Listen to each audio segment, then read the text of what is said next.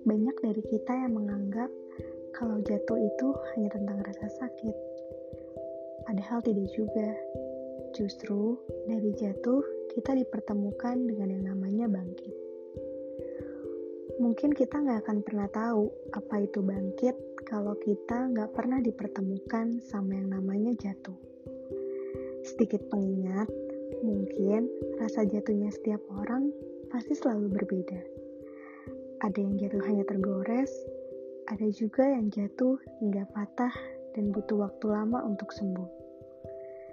Di sini, saya nggak mencoba untuk menyamakan semua itu.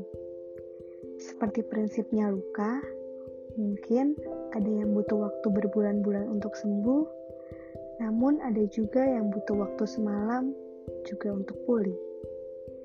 Semakin sadar, kita berada di garis yang berbeda.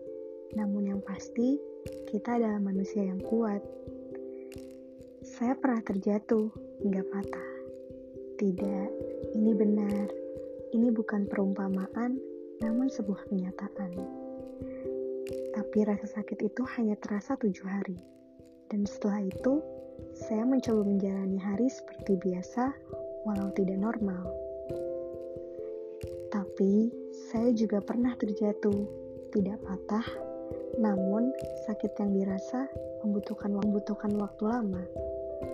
Waktu yang sangat lama untuk sembuh. Bahkan di sini, saya masih dapat merasakannya. Tapi yang saya tahu dan sangat jelas, rasa sakit itu pasti. Namun rasanya sebisa mungkin ayo dihilangkan. Coba lakukan, sisipkan kata obat dan perlahan bangkit. Karena jika tidak karena rasa sakit itu, saya tidak pernah bisa menjadi diri saya yang sekarang. Bersyukurlah ternyata itu mendewasakan. Kalau kalian berpikir luka itu mendewasakan, ya memang benar. Anak kecil yang sedang belajar berjalan saja perlu jatuh dan merasakan luka sampai akhirnya ia dewasa dan terbiasa berjalan. Begitupun kalian, puan dan tuan. Saya berharap apa pun rasa sakit yang kalian rasakan tidak akan menjadikan kalian beban. Tapi saya berdoa Rasa sakit itu menjadikan kalian sebagai manusia yang kuat dan dapat selalu berjalan menuju sebuah pendewasaan. Semoga kalian selalu senang.